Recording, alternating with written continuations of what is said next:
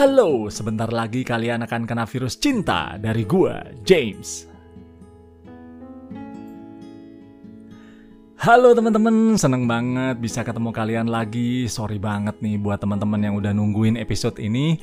Ya karena memang gua udah dua bulan nggak bikin podcast. Cie, pakai say sorry segala.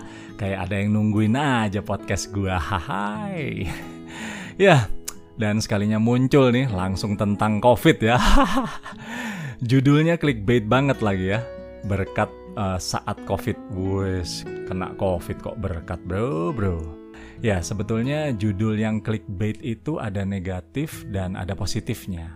Negatifnya ya kalau judulnya aja yang clickbait, tapi isinya ternyata nggak nyambung atau nggak berguna. Itu sih penipuan ya kalau menurut gua. Positifnya adalah judulnya clickbait, tapi ternyata nyambung sama isinya dan memang isinya berguna buat gua. Nah, semoga episode kali ini berguna ya buat kita, buat gua, buat teman-teman sekalian. Oke okay guys, yes, gua baru aja kena COVID tanggal 27 Desember yang lalu. Jadi gua menghabiskan liburan tahun baru gua bersama keluarga dengan acara kena COVID. Iya teman-teman, gua bukan mau lagi ngetawain uh, virus ini ya. Enggak, virus ini benar-benar sangat-sangat serius dan sangat-sangat berbahaya teman-teman. Tapi kenapa gue menyampaikannya dengan begitu santai? Gue cuma pengen ngasih tahu ke kalian supaya kalian nggak parno. Itu aja, nggak khawatir dan nggak takut berlebihan. Ini loh, ada seseorang yang juga kena COVID, tapi dia tetap bisa bersuka cita ketika dia mengalami itu. Sebetulnya itu sih yang pengen gue deliver ke kalian, makanya gue uh, ngucapinnya sambil santai. Oke, kembali lagi ke COVID. Uh, ya, jadi gue sekeluarga kena COVID, gue, istri, dan dua anak gue. Jujur, kalau bukan karena COVID ini, gue mungkin agak lebih lama lagi ya untuk bisa bikin episode baru di podcast gue ini. Karena emang pas uh, eh, gue udah mulai sembuh tuh, gue udah terdorong banget dan udah tergerak banget untuk bikin episode ini dan wala, puji Tuhan akhirnya terwujud. Jadi gue akan membuka episode kali ini dengan ayat ini nih teman-teman. Ibrani 12 ayat 11. Gue bacain ya memang tiap-tiap ganjaran pada waktu ia diberikan tidak mendatangkan sukacita, tapi duka cita. Tapi kemudian ia menghasilkan buah kebenaran yang memberikan damai kepada mereka yang dilatih olehnya. Satu lagi, ya, tadi itu ayat dari Ibrani, satu lagi sebuah quote dari preacher favorit gua yaitu Bos Sanchez. Dia mengatakan seperti ini. E, kita tuh harus tetap bersuka cita dalam kelemahan kita karena ketika kita lemah, kuasa Tuhan akan menyempurnakan. Wes, mantep ya. Jadi jujur ya, ketika gua awal kena COVID, gua tuh nggak terima sama Tuhan. Karena gua merasa ini lagi liburan tahun baru. Gue juga nggak merayakannya dengan hal-hal yang mewah kok. Nggak merayakannya dengan hal-hal yang luar biasa. Gue cuma pengen di rumah aja, menikmati kebersamaan dengan keluarga. Nggak aneh-aneh yang gue minta. Maksud gue gini loh, cuman minta hal yang sederhana aja nggak dikabulin, malah gue dikasih sakit dan covid pula. Wadaw. Ya, tapi uh, gue tetap bersyukur gue sudah mengenal Tuhan. Jadi ada sebuah statement yang terus ada dalam hati gue ketika gue mengalami apa pun, yaitu God is good, God is for me, and God is with me, no matter what happens in my life. Dari situ gue tercerahkan ya, uh, ah, gue ke keinget-inget lagi lalu gue tercerahkan oleh firman Tuhan yang gue mention tadi di atas yaitu Ibrani 12 ayat 11 memang tiap-tiap ganjaran pada waktu ia diberikan tidak mendatangkan sukacita tetapi duka cita tetapi kemudian ia menghasilkan buah kebenaran yang memberikan damai kepada mereka yang dilatih olehnya jadi sebetulnya di sini ya Rasul Paulus tuh mau ngingetin kita bahwa ada waktunya Tuhan mendewasakan kita dengan mengizinkan hal-hal buruk terjadi dalam hidup kita. Tapi akhirnya hal tersebut akan mengajarkan kita tentang kebenaran dan akan memberikan kita damai kalau kita bisa melewati ujian tersebut. Terus kalau yang quote dari Bos Sanchez itu juga mau mengatakan bahwa kita tuh harus tetap bersuka cita dalam kelemahan. Karena justru di saat lemah itulah Tuhan akan nunjukin kuasanya dan akan menyempurnakan jalan kita supaya kita bisa melewati ujian tersebut. Ya tapi juga jangan nyuruh-nyuruh Tuhan ya. Tuhan aku udah lemah nih Tuhan, mana kuasamu Tuhan, ayo Tuhan. ya nggak gitu juga kali. Ya Tuhan tahu kapan waktu yang terbaik buat kita. So teman-teman dari ayat dan quote ini itu bisa gue sederhanakan bahwa mungkin Tuhan memang sedang mengizinkan ujian ini gue alami. Awalnya memang gak enak, tapi kalau gue melewati dan menghadapinya bersama Tuhan, akan tetap ada berkat Tuhan yang boleh gue rasakan. Dan saat menjalaninya, memang gue merasa gak berdaya dan justru di situlah Tuhan berkarya dalam hidup gue. Seperti judul bukunya Joel Austin ya, Blessed in the Darkness. Uh, Bahkan dalam gelapnya hidup kita sekalipun, selalu ada berkat yang boleh kita rasakan.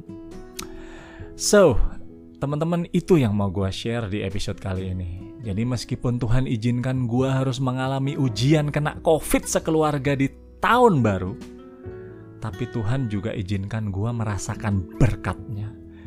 Tuhan izinkan gue mengalami sebuah pengalaman yang baik banget dan kasih Tuhan bener-bener gue rasakan. Sebetulnya banyak banget sih yang mau gue share, apa aja yang gue syukuri, tapi gue rangkum jadi lima hal aja ya. Oke, yang pertama yang gue syukuri adalah pengalaman yang sempurna. Jadi gini, pas malam Natal, eh, gue kan ikut misa online tuh ya, bareng keluarga kecil gue. Habis itu gue bilang ke istri gue dan anak-anak gue, pas lagi ngumpul, gue bilang bahwa kita harus bersyukur karena kita bisa bertahan di tahun 2020 di saat pandemi. Apa pun masalah yang kita hadapi, tapi yang penting ujung-ujungnya adalah kita bisa bertahan. Kita bisa nyampe di penghujung tahun ini. Dan puji Tuhan sih saat itu anak istri gua bisa nerima message ini gitu loh dengan penuh semangat dan sukacita. Meskipun kita meng, me, apa ya, merayakan malam Natal itu dengan penuh kesederhanaan. Tapi ternyata ketika gua ngomong gitu gue pikir ya udah selesai tahun ini ternyata filmnya belum selesai ternyata Tuhan mau bilang James belum selesai nih 2020 aku mau sempurnakan pengalamanmu di tahun ini dan ya itu Kenalah COVID kami sekeluarga, sempurnalah sudah pengalaman kami. Akhirnya gue menyadari maksud Tuhan, yaitu dia nggak mau kami hanya punya pengalaman bertahan di saat pandemi, tapi Tuhan pengen kami juga punya pengalaman bertahan melawan COVID. Jadi Tuhan tuh kayak pengen keluarga gua itu nggak cuma jadi survivor di saat pandemi, tapi jadi survivor dari COVID-nya sendiri. Uhuh.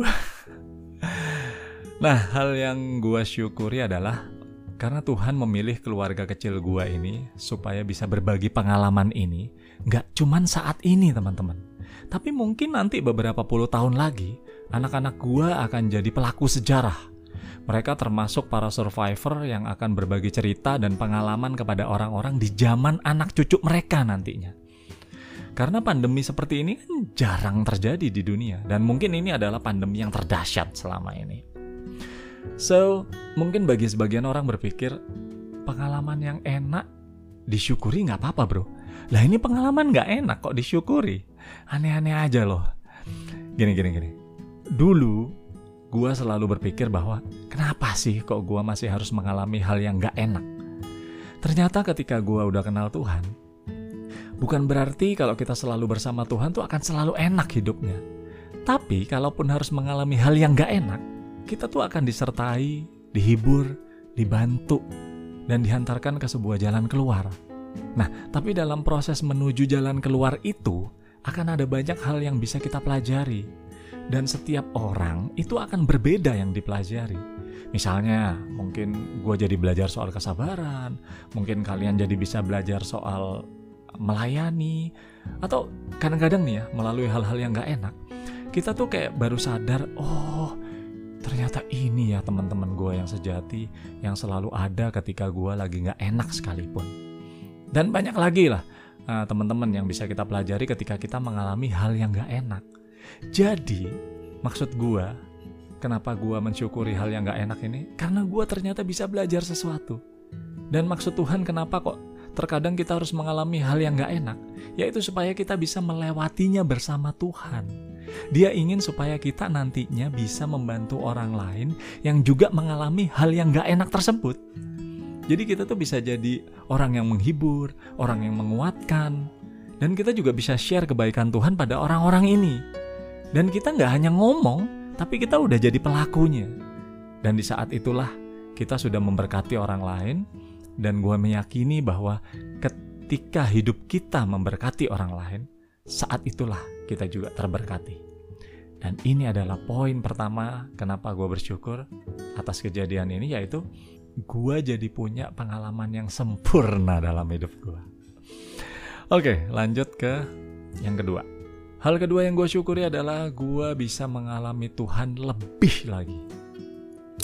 Jadi gue itu kena eh, kena COVID duluan. Ya karena apa? Karena gue sakit duluan gue bergejala duluan. Terus habis gitu besoknya uh, anak-anak gue kena. Tapi mereka nggak lama sih mereka cuma dua hari lah. Habis itu mereka sehat lagi. Terus istri gue yang bergejala paling akhir dan paling lama sembuhnya. Jadi gue itu dua minggu setelah gejala pertama udah sehat istri gue dong dua minggu lebih nggak sehat-sehat tapi puji Tuhan pas podcast ini dibikin kami semua udah sehat jadi ya pas gue udah sehat, uh, itu waktunya gue melayani dan merawat istri gue. Tapi hari demi hari malah makin berat teman-teman. Karena biasanya kan istri gue yang masak, istri gue yang memprovide makanan yang di atas meja. Pokoknya kita tuh terima beres, kita punya tugas masing-masing. Tapi ketika waktunya makan tuh udah beres aja, tiba-tiba udah ada makanan yang tersedia di atas meja dan itu adalah tugas istri gue. Tapi ketika dia sakit tuh, aduh gue harus mikirin makanan setiap hari. Wah itu stresnya minta ampun teman-teman. Belum lagi keadaan keuangan gue juga lagi sulit ya. Jadi udah sakit. Harus mikirin siapin makanan obat vitamin buah-buahan dan itu harus ada bahkan harus dalam jumlah yang lebih besar dari biasanya maksudnya gini jadi yang biasanya gue mungkin siapin satu vitamin ini harus banyak vitamin plus uh, suplemen-suplemen untuk meningkatkan imunitas tubuh lah jadi bayangin aja ya, gue baru aja sehat, sedangkan gue harus mengalami keadaan keuangan yang lagi kurang sehat saat itu. Dan gue harus memikirkan itu semua. Huh. Tapi gue sadar bahwa gue gak akan bisa menghadapi ini semua sendirian. Lalu gue ingat bahwa gue punya Tuhan yang lebih dahsyat. Gue punya Tuhan yang lebih besar dari ini semua. Lalu gue berdoa pada Tuhan, gue berseru atas semua pergumulan gue ini, ya memang sih nggak nggak langsung ada pertolongan tapi ada hati yang tenang ada hati yang kuat dan jujur nih ya gue berdoa lebih sering dan udah nggak ngomong biasa lagi ke Tuhan gue tuh bener-bener udah berseru ke Tuhan jadi gue merasa kayak di posisi hidup dan mati Apalagi melihat kondisi istri gue yang gak ada kemajuan selama berhari-hari, gue tuh merasa udah gak ada lagi yang bisa gue mintain tolong selain Tuhan. Eh, gue tahu gak akan ada lagi yang bisa nolong gue. Orang-orang, keluarga, temen-temen, semua udah nolong, tapi untuk yang satu ini mereka udah maksimal deh. Udah gak ada lagi orang yang bisa nolong gue selain Tuhan.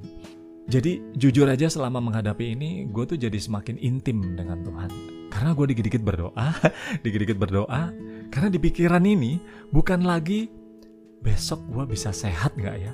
Tapi di pikiran ini tuh gue sama istri gue besok masih hidup gak ya? Beneran, jujur.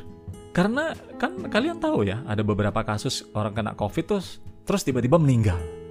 Ada juga yang udah dinyatakan negatif pun, eh gak lama besoknya atau dua hari kemudian meninggal. Jadi gue tuh bener-bener merasa lebih intim dari biasanya dan kayak ada keinginan dalam hati gue bahwa nanti nih kalau semua badai ini udah berakhir, gue akan tetap membangun relasi dengan Tuhan. Jadi gue gak mau nunggu punya masalah dulu, tapi gue akan terus berrelasi dengan Tuhan dalam keadaan apa pun. Jadi melalui kejadian ini tuh sepertinya Tuhan mau katakan bahwa dia tuh rindu sama gue gue memang masih berelasi sama Tuhan, tapi udah gak intim sih.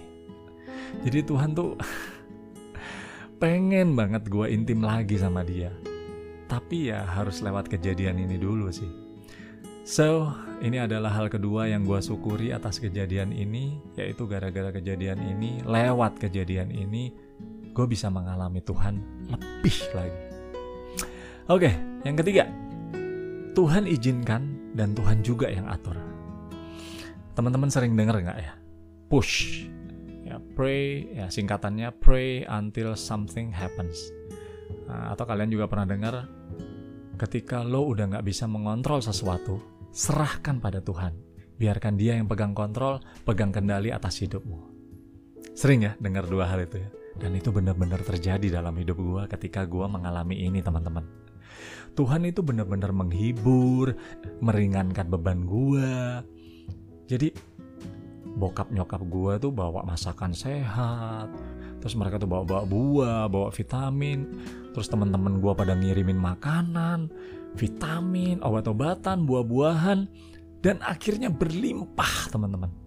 Gue tuh pernah ya seminggu tuh nggak beli makanan sama sekali, nggak mikirin makanan. Karena apa? Temen-temen gue pada ngirimin makanan setiap hari mulai dari untuk sarapan, lunch sampai dinner. Sadis nggak tuh? Terus lucunya, ya terakhir-terakhir tuh bahkan ada yang ngirim sembako, beras dan lain-lain. Gue tuh sampai mikir, gue nih kan kena covid ya, bukan kena bencana alam. Karena pas banget tuh, waktu itu lagi gencar-gencarnya berita gempa dan banjir di mana-mana ya.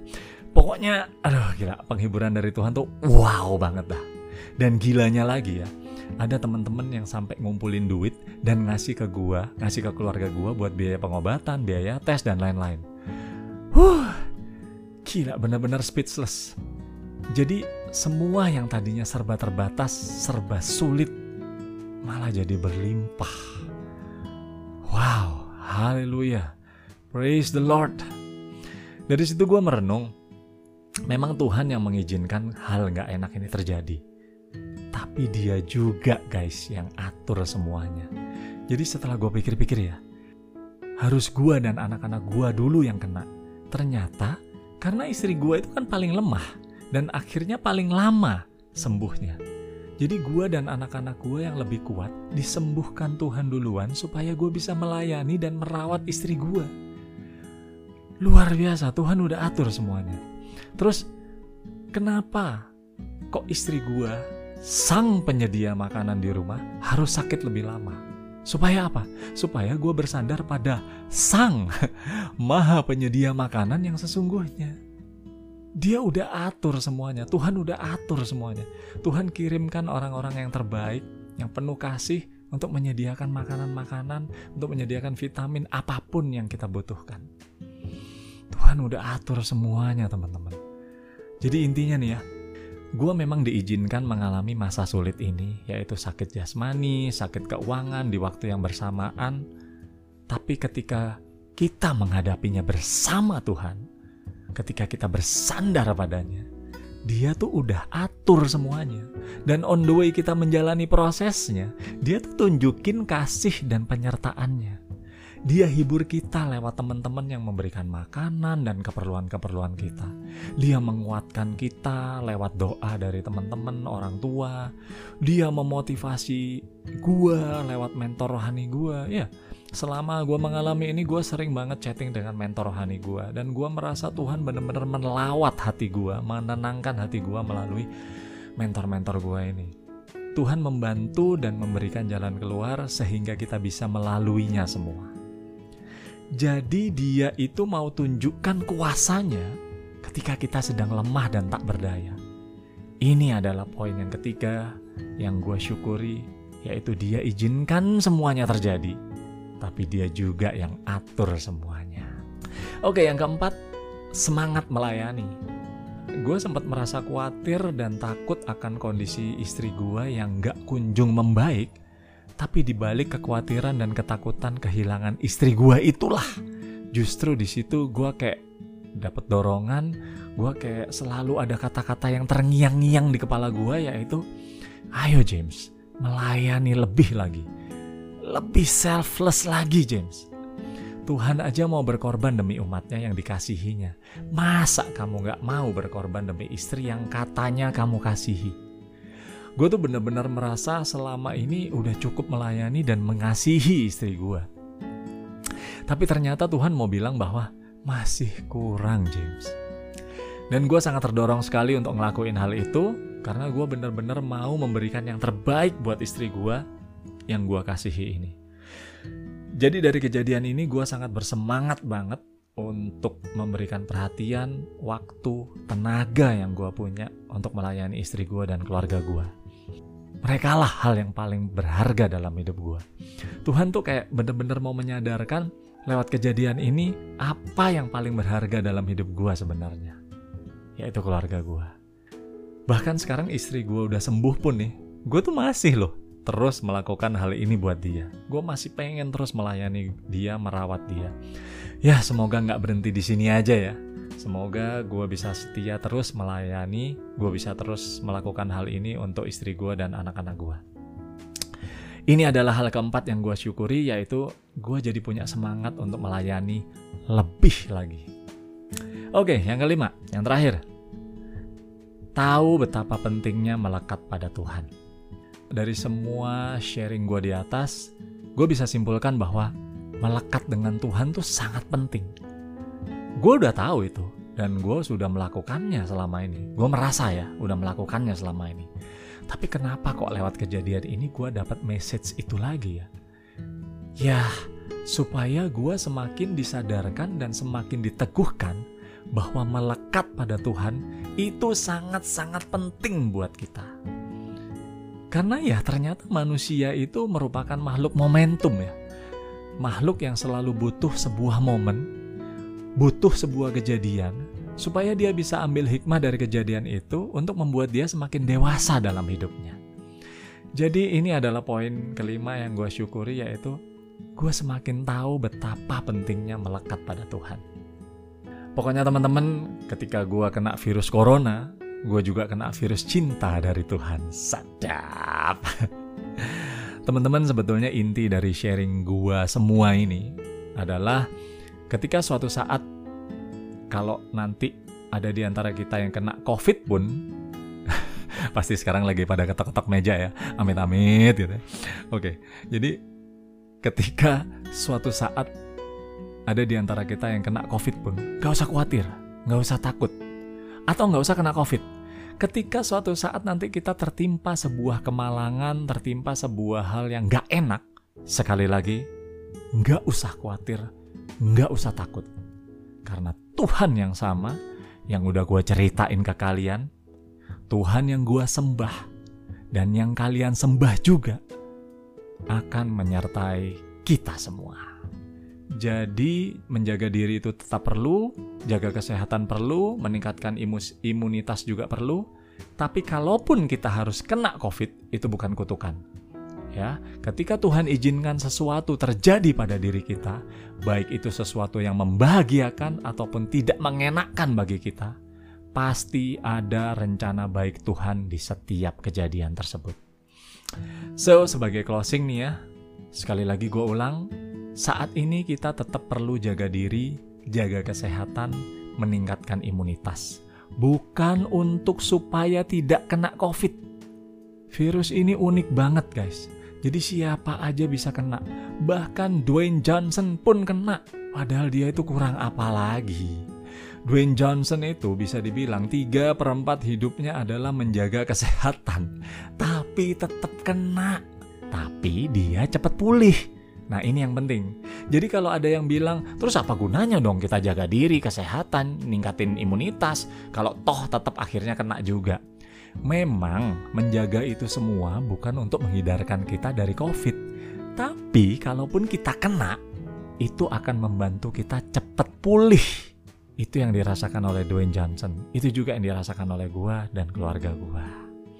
So, teman-teman, hal menjaga kesehatan, jaga diri, dan meningkatkan imunitas ini itu sama dengan ketika kita menjaga kesehatan spiritual kita.